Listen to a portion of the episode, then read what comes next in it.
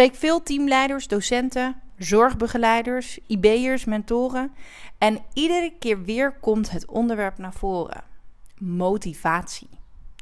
Want hoe krijgen we de leerlingen in de aanstand? Hoe zorg je ervoor dat ze gemotiveerd zijn? In de podcastaflevering van vandaag deel ik zeven concrete tips die jou verder helpen.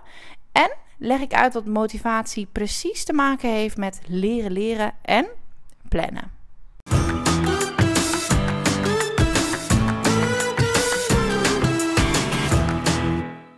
Hey, wat leuk dat je luistert naar de podcast van het Leerlab. In deze podcast leer ik docenten, mentoren, coaches, SLB'ers, LOB'ers, eigenlijk alle onderwijsprofessionals die je kan bedenken, alles over leren leren en plannen. Wat zegt de wetenschap? Welke onderzoeken zijn er gedaan naar deze onderwerpen? Maar het allerbelangrijkste, hoe vertaal je dat naar de praktijk? Ik ben Laura en met het Leerlab heb ik een grootse missie. Namelijk alle leerlingen in Nederland en België leren leren en plannen.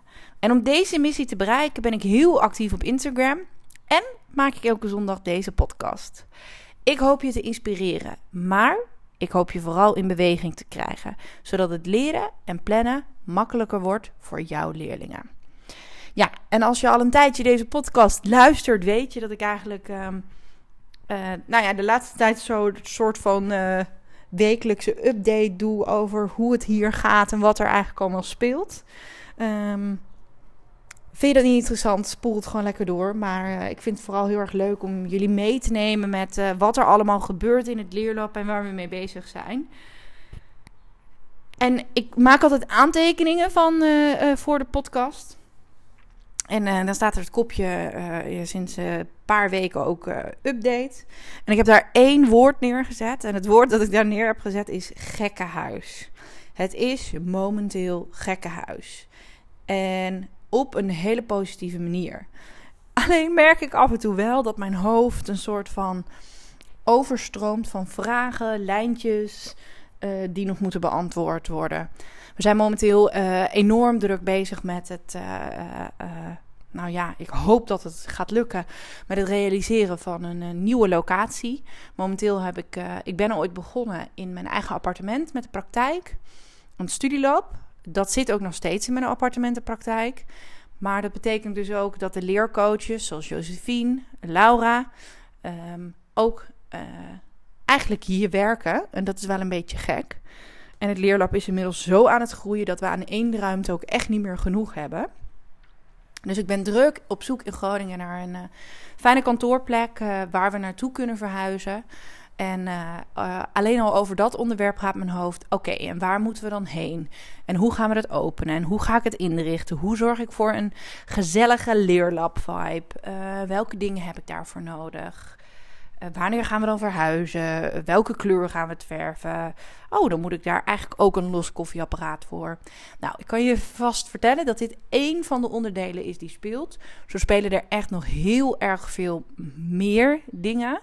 Ik kan je helaas niet heel veel uh, meer vertellen nog, uh, totdat ze allemaal officieel zijn.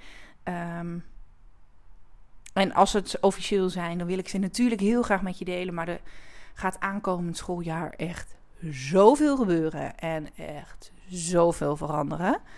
Echt helemaal te gek. Maar af en toe dus wel ook echt, echt gekke huis. En als je in het onderwijs zit, ja, dan is dit waarschijnlijk voor jou net zo'n gekke huisperiode. Want de laatste periode van het schooljaar, kom zelf natuurlijk uit het onderwijs, is gewoon af en toe echt wappie wappie. Het is zoveel, het is zoveel te doen. En het is heel leuk, het is heel intensief, maar het is ook echt... Ja, ook altijd wel vond ik ook, misschien heb jij dat ook wel, een soort van kicken. Um, nou ja, dat. Het leuke is, de eerste uh, uh, plek voor de één op één coaching is echt vergeven nu.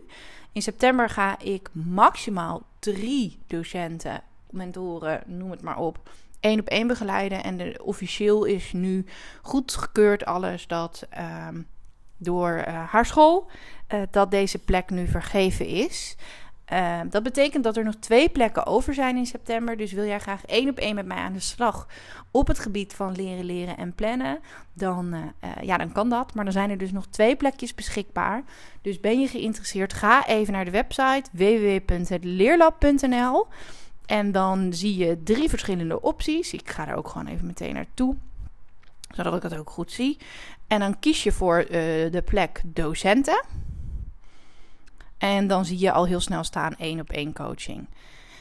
Vind je op één op één coaching uh, uh, wat te gek? Of, uh, hè, want deze docent, dat is goed om te weten. Deze haalt het gewoon uit haar opleidingsbudget. En dat is wat jij ook kan doen. Um, en in september starten we dus ook een nieuwe groep Mastermind Leren, Leren en Plannen. Waarin we in zeven online sessies uh, aan de slag gaan. Uh, en ook daar kun je je voor uh, inschrijven.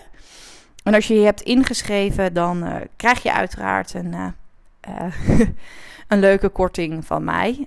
Um, Weet wel, deze groep is ook langzaam aan het volstromen. Er zijn mensen die geïnteresseerd zijn. Maar er zijn ook al mensen die hebben gezegd van de mastermind... Ik, Laura, te gek, ik ga sowieso deelnemen. Want je deelt een heleboel tips en daar kan ik een heleboel mee. Maar nou, ik heb toch echt nog even dat laatste setje nodig. Dus heb jij ook dat laatste setje nodig? Kom gewoon lekker deelnemen aan de mastermind. Of nou ja, ben je nieuwsgierig? Uh, schrijf je dan in ieder geval uh, in.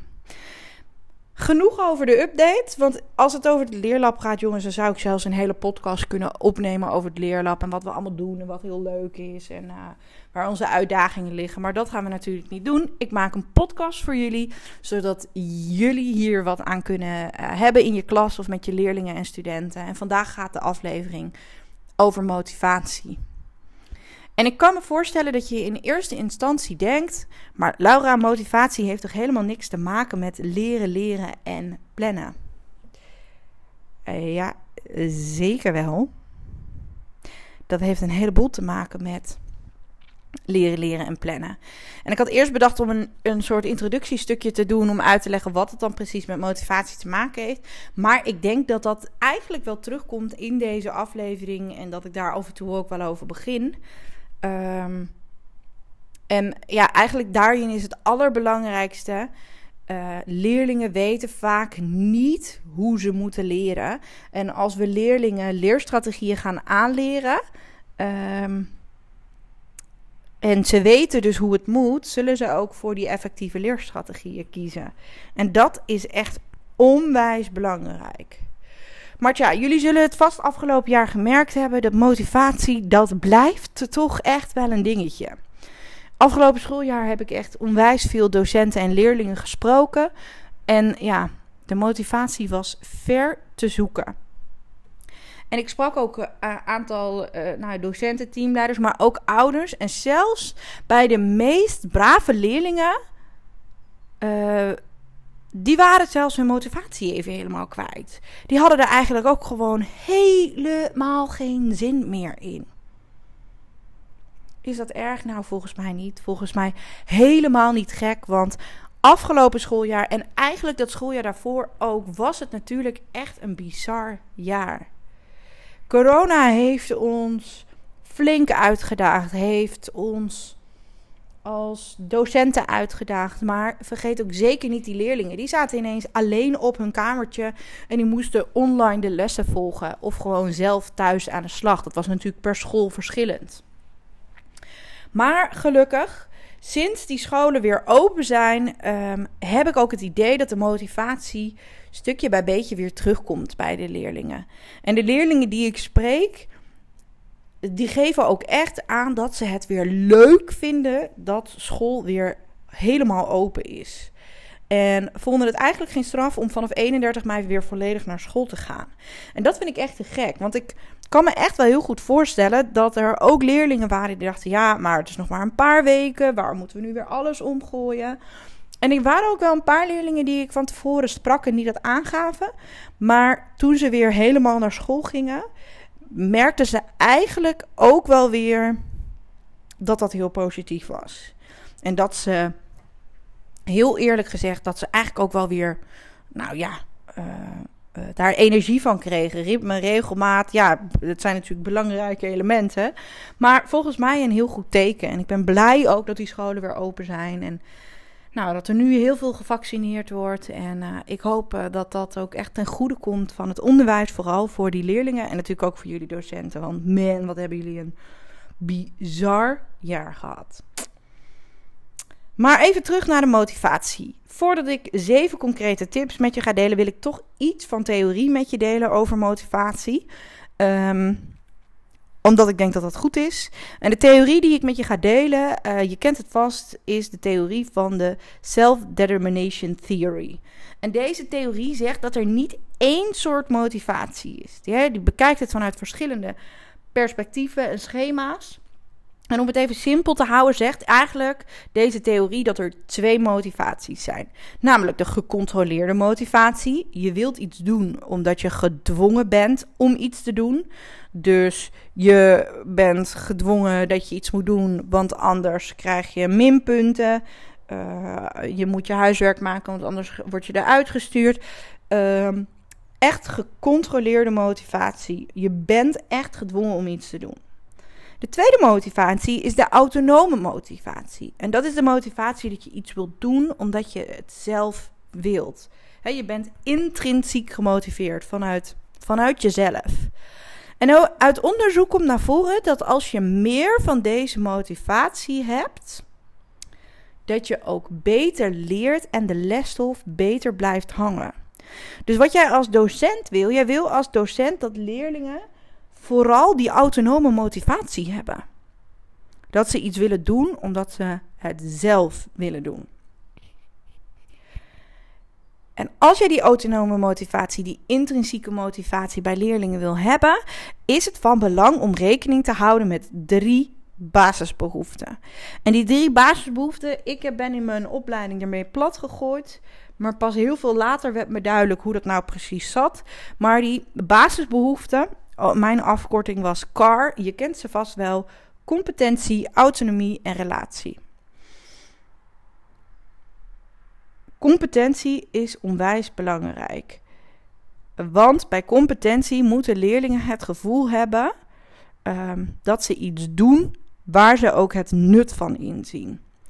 Daarbij is ook van belang dat de lesstof niet te makkelijk is en niet te moeilijk. Um, want als het te makkelijk is, ja, dan verdwijnt motivatie, haken leerlingen af. Maar als de lesstof veel te moeilijk is, haken leerlingen ook af. Dus het is iedere keer zoeken, hé, hey, wat moet ik mijn leerlingen aanbieden? Wat moet ik mijn klassen aanbieden? En dat is niet, dat is niet een standaard programma afdraaien. Je moet iedere keer kritisch zijn en kijken, hé, hey, wat heeft deze leerling nodig? Wat heeft deze klas nodig? Leerlingen moeten het gevoel hebben, hé, hey, ik kan het aan, maar het moet niet te gemakkelijk zijn. Competentie dus. Daarnaast is autonomie enorm belangrijk.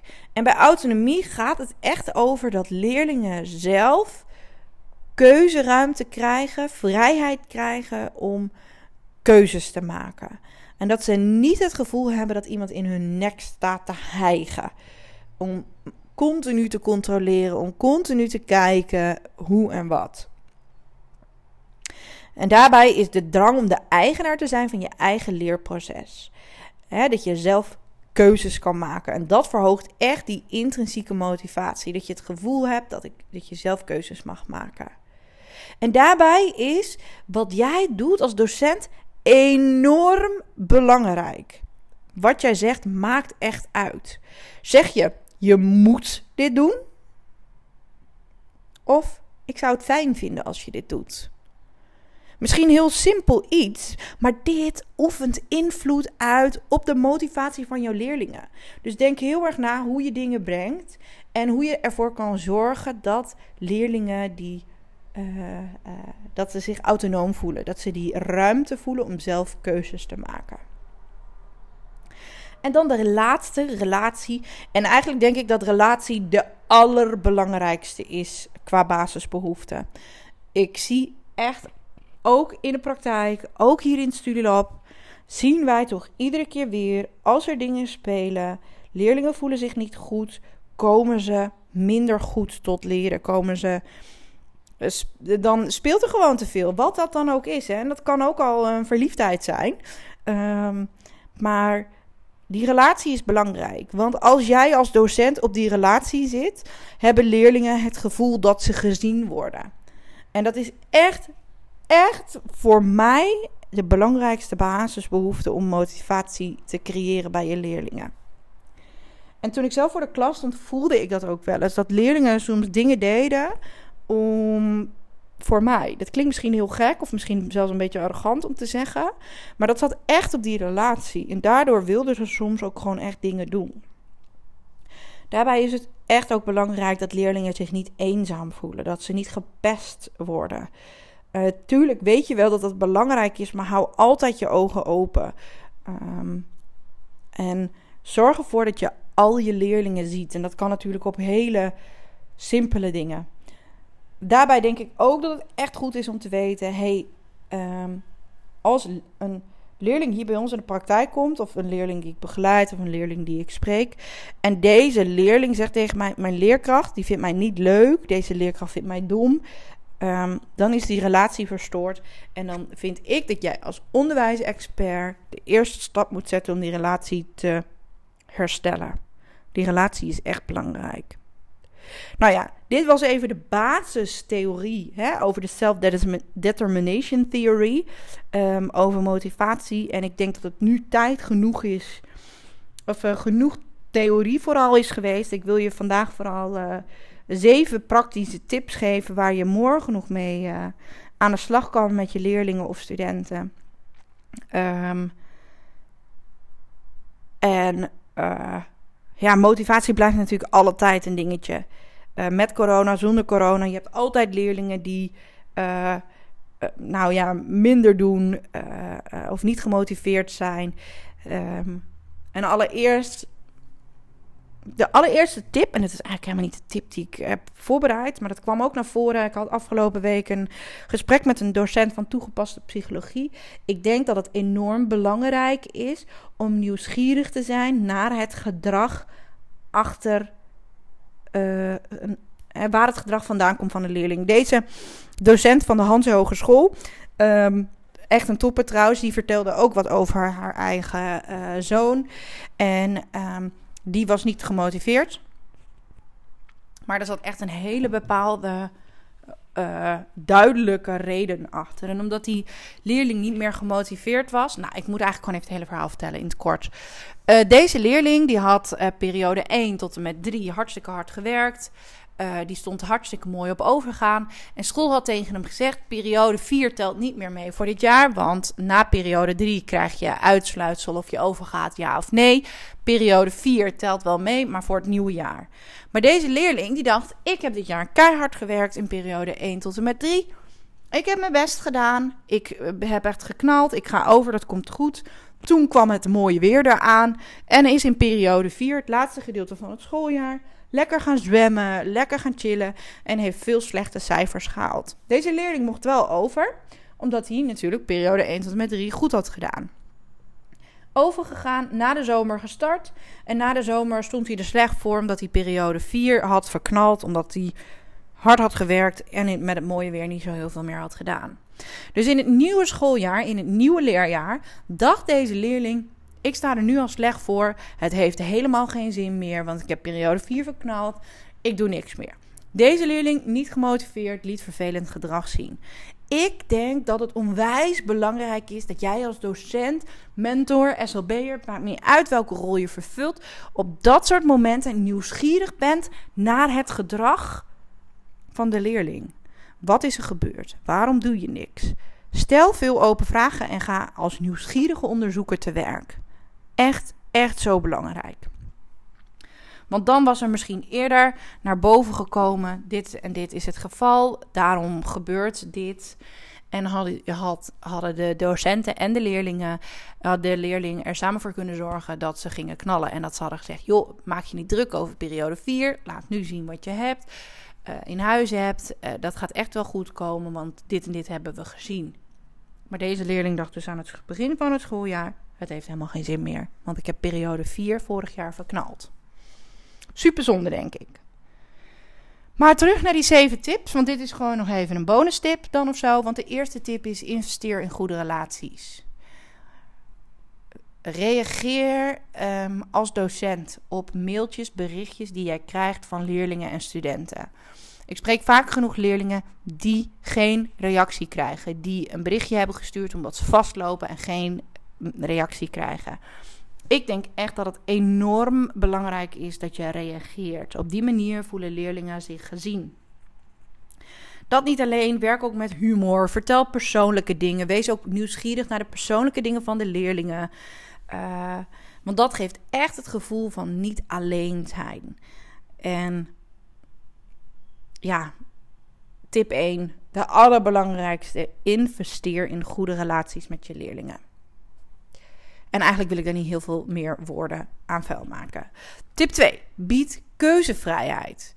Keuzevrijheid bedraagt bij aan motivatie. Maar daarin wil je natuurlijk de leerlingen wel die benodigde, uh, de nodige begeleiding geven. En um, wat daarin voor jou als docent enorm belangrijk is, is dat je weet: oké, aan deze doelen gaan we werken. Um, en hoe kan ik ervoor zorgen dat leerlingen de keuze hebben, de keuzevrijheid hebben om keuzes te maken hoe ze de, de, de stof tot zich gaan nemen? Dus heb jij een PowerPoint of mogen ze ook een video kijken of volgen ze de instructie gewoon bij jou in de les? Um, maar niet alleen de stof of de instructie. Um, en dan kun je afstemmen. Maar ook de, het verwerken van de stof. Geef keuzes. Um, dus mag een leerling een PowerPoint maken? Mag die een rap maken? Mag die een infographic maken? Mag die een podcast maken? Zorg daarbij voor verschillende mogelijkheden om de stof te verwerken. En sluit daarin vooral heel erg aan bij de belevingswereld van de leerlingen. Dus misschien kunnen ze ook wel gewoon leuk een vlog maken. Want als je aansluit bij die belevingswereld, is er ook echt meer motivatie. En vaak hebben leerlingen zelf ook echt wel een idee van hoe ze dat zouden kunnen doen. Dus luister ook naar die ideeën. Het allerbelangrijkste is bij deze keuzes geven dat als je keuzes geeft, dat die keuzes van tevoren duidelijk zijn, zodat de leerlingen echt een goede keuze kunnen maken. En uiteraard, de ene leerling is niet de andere leerling. Dus de ene leerling zal ook wat meer begeleiding nodig hebben. Um,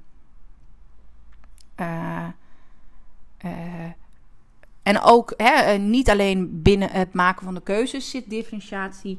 Tuurlijk zit er ook differentiatieverschil bij leerlingen uh, bij het verwerken van de stof. Dus dan kun je bijvoorbeeld laten kiezen of ze een stappenplan gebruiken om een vraagstuk op te lossen, of juist helemaal zelfstandig dat willen doen.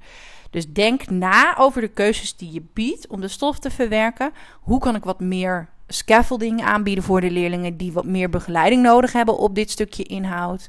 En hoe kan ik zorgen voor uitdaging bij de leerlingen die het wel aan kunnen? En ook op het maken van keuzes is begeleiding uiteraard nodig. Nou, dat was tip 2, dus bied keuzevrijheid. Dan gaan we door naar tip 3. Bied structuur. Structuur is zo onwijs belangrijk. En dit heeft ook echt te maken met plannen. Als wij willen dat leerlingen gaan plannen, um, is structuur duidelijk? Uh, uh, is structuur nodig? Want wat wordt er van me verwacht? Waar kan ik de informatie vinden? Um, en ik zie dit echt nog, en dat wil ik echt niet vervelend doen, maar ik zie dit op bijna alle scholen verkeerd gaan. Oké, werk je met een studiewijzer? Prima. Zorg ervoor dat je hele school werkt met een studiewijzer. En ook hetzelfde format. En ook op dezelfde manier ingevuld. En op dezelfde dag online. En op dezelfde plek in Magister of Som Today plaatsen. Zodat leerlingen weten: oké, ik kan het daar vinden. En daar staat wat we gaan doen. Daar staat wat er van me verwacht wordt. Want nu gebeurt het veel te vaak. De docent zet huiswerk na de les in magister daarvoor. Uh, werk niet met magister, magister studiewijzers, magister huiswerk, teams. Echt waar, dit biedt structuur. Want als men structuur, of als leerlingen structuur hebben, wordt het plannen makkelijker en kunnen ze daar ook gemakkelijker aan beginnen. Doen ze succeservaringen op en met die succeservaringen krijgen ze zelfvertrouwen en motivatie om daarmee aan de slag te gaan. Dus bied structuur. Tip 4. Wat doe je en waarom? Ja, Leg uit wat je in je lessen doet en waarom, want daarmee ga je het gevoel voor competentie verhogen. Leerlingen willen echt het nut inzien van wat ze doen. Dus ga daarin nadenken over Ehm, waarom uh, doen we dit? En waar kun je dit voor gebruiken? En waar komt dit terug? Dit is zo onwijs belangrijk om, om die basisbehoeften van competentie te verhogen. En vaak wordt deze stap overgeslagen, omdat het voor ons als docenten heel duidelijk is: oké, dit doe ik, want dat hebben we daar en daarvoor nodig. En dat kun je uh, in de leerlijn en dat kun je daarvoor gebruiken. Maar voor leerlingen is dit niet. Voor leerlingen is dit vaak abracadabra. En ga dus echt met die leerlingen delen wat je doet en waarom. Zodat ze het nut ervan in gaan zien. En daarin kunnen ze best met jou meedenken. Hè? Vaak kunnen ze leerlingen echt wel met mooie ideeën komen die jou ineens verrassen. Dat was tip 4. Gaan we door naar tip 5. Tip 5. Laat voortgang zien en geef feedback op het proces. Het is onwijs belangrijk om leerlingen feedback te geven op het werk. Want op die manier weten ze heel goed: uh, doe ik het goed of niet? Ehm, in mijn eigen les deed ik dat met doelencheckers. Aan het eind van de les gaf ik een doelenchecker om te checken: hey, wie heeft het doel begrepen en niet. Voor mij als docent heel fijn, omdat ik dan heel goed kon zien: oké, die moet nog wat extra uitleg hebben, een verlengde instructie hebben.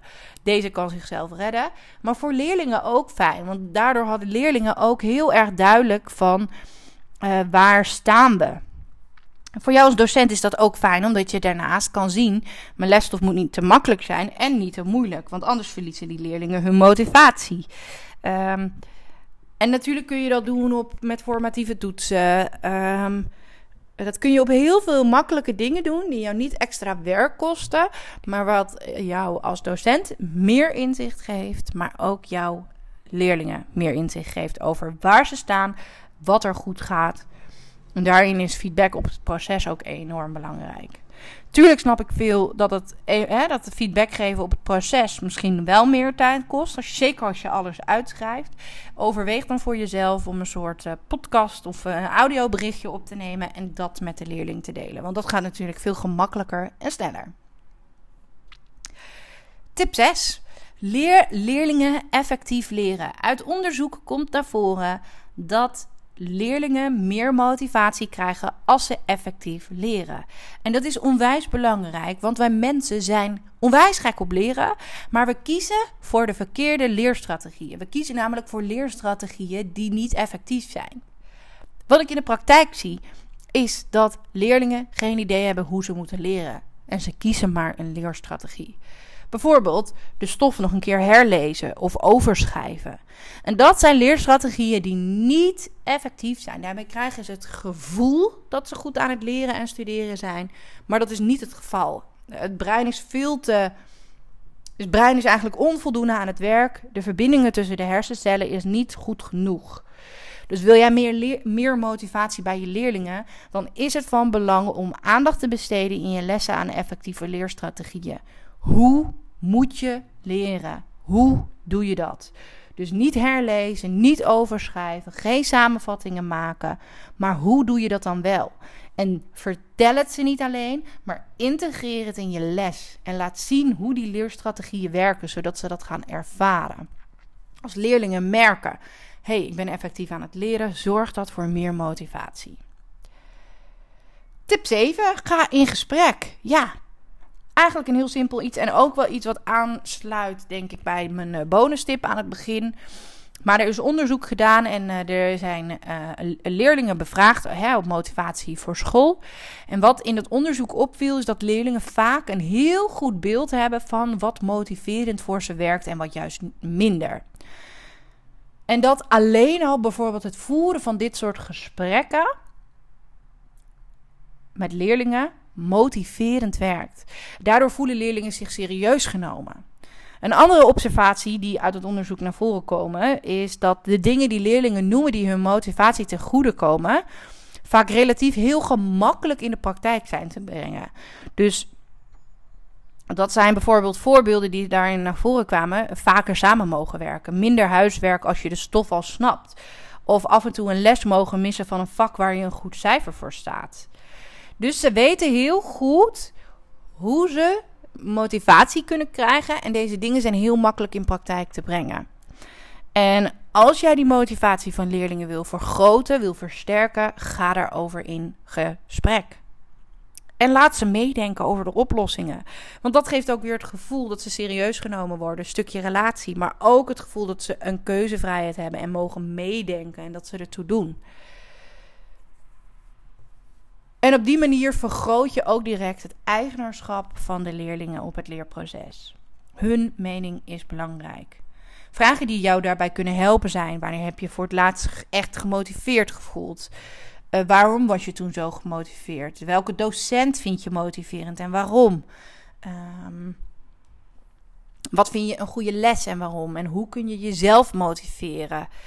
Um, wat heb je nodig om meer gemotiveerd te zijn voor school? Allerlei vragen die jij in gesprek met leerlingen uh, uh, kan voeren uh, als het gaat over motivatie. En ik denk dat deze laatste echt wel een hele mooie tip is. En de rest ook, maar ik denk dat het misschien mooi is dat je de les durft los te laten en gesprek durft te voeren met leerlingen over motivatie en hoe je ze daarbij kan helpen. Nou, dit waren de zeven tips. Nog even snel voor je zo op een rij. Tip 1, investeer, of nou ja, bonus tip. Ga, uh, wees, ga als nieuwsgierige onderzoeker aan de slag en um, uh, ga op onderzoek uit waar bepaald gedrag vandaan komt en hoe je die motivatie kan vergroten. Tip 1, investeer in goede relaties. Tip 2, bied keuzevrijheid. Tip 3, bied structuur. Tip 4, wat doe je en waarom? Tip 5, laat de voortgang zien en geef feedback, ook op het proces. Tip 6, leer leerlingen effectief leren. En de laatste tip, tip 7, ga in gesprek. Nou, ik zie alweer dat ik al meer dan een half uur aan het kletsen ben. Dus het wordt tijd om deze podcastaflevering af te ronden en af te sluiten. Ik wil je bedanken voor het luisteren. Ik hoop dat je wat hebt gehad aan deze 7 tips. Laat me vooral via Instagram, via een DM even weten of je nog vragen hebt. Of welke tip jij gaat proberen. Maar je mag me natuurlijk ook altijd mailen als je geen Instagram hebt. Dat kan naar laura.leerlab.nl. Mocht je nieuwsgierig zijn wat wij voor jou kunnen doen als docent of voor jullie op school, neem dan ook een kijkje op de website. Zeker nu de NPO-gelden beschikbaar zijn. Um, en binnen de menukaart ook het metacognitieve en zelfregulerend leren erin zit. Oftewel eigenlijk leren, leren en plannen is de drempel misschien wel een stukje lager dat we jullie vanuit het leerlab kunnen helpen. Neem gerust contact op, bel, mail, app, stuur me een berichtje, allemaal dik prima. Voor nu wil ik je in ieder geval bedanken voor het luisteren. Heb je wat gehad aan deze aflevering? Maak een printscreen dat je aan het luisteren bent en deel hem bijvoorbeeld op Instagram of LinkedIn of met je collega's. Want op die manier kunnen we het onderwijs een beetje mooier en beter maken en nog meer leerlingen leren leren en plannen. Thanks voor het luisteren en tot volgende week zondag.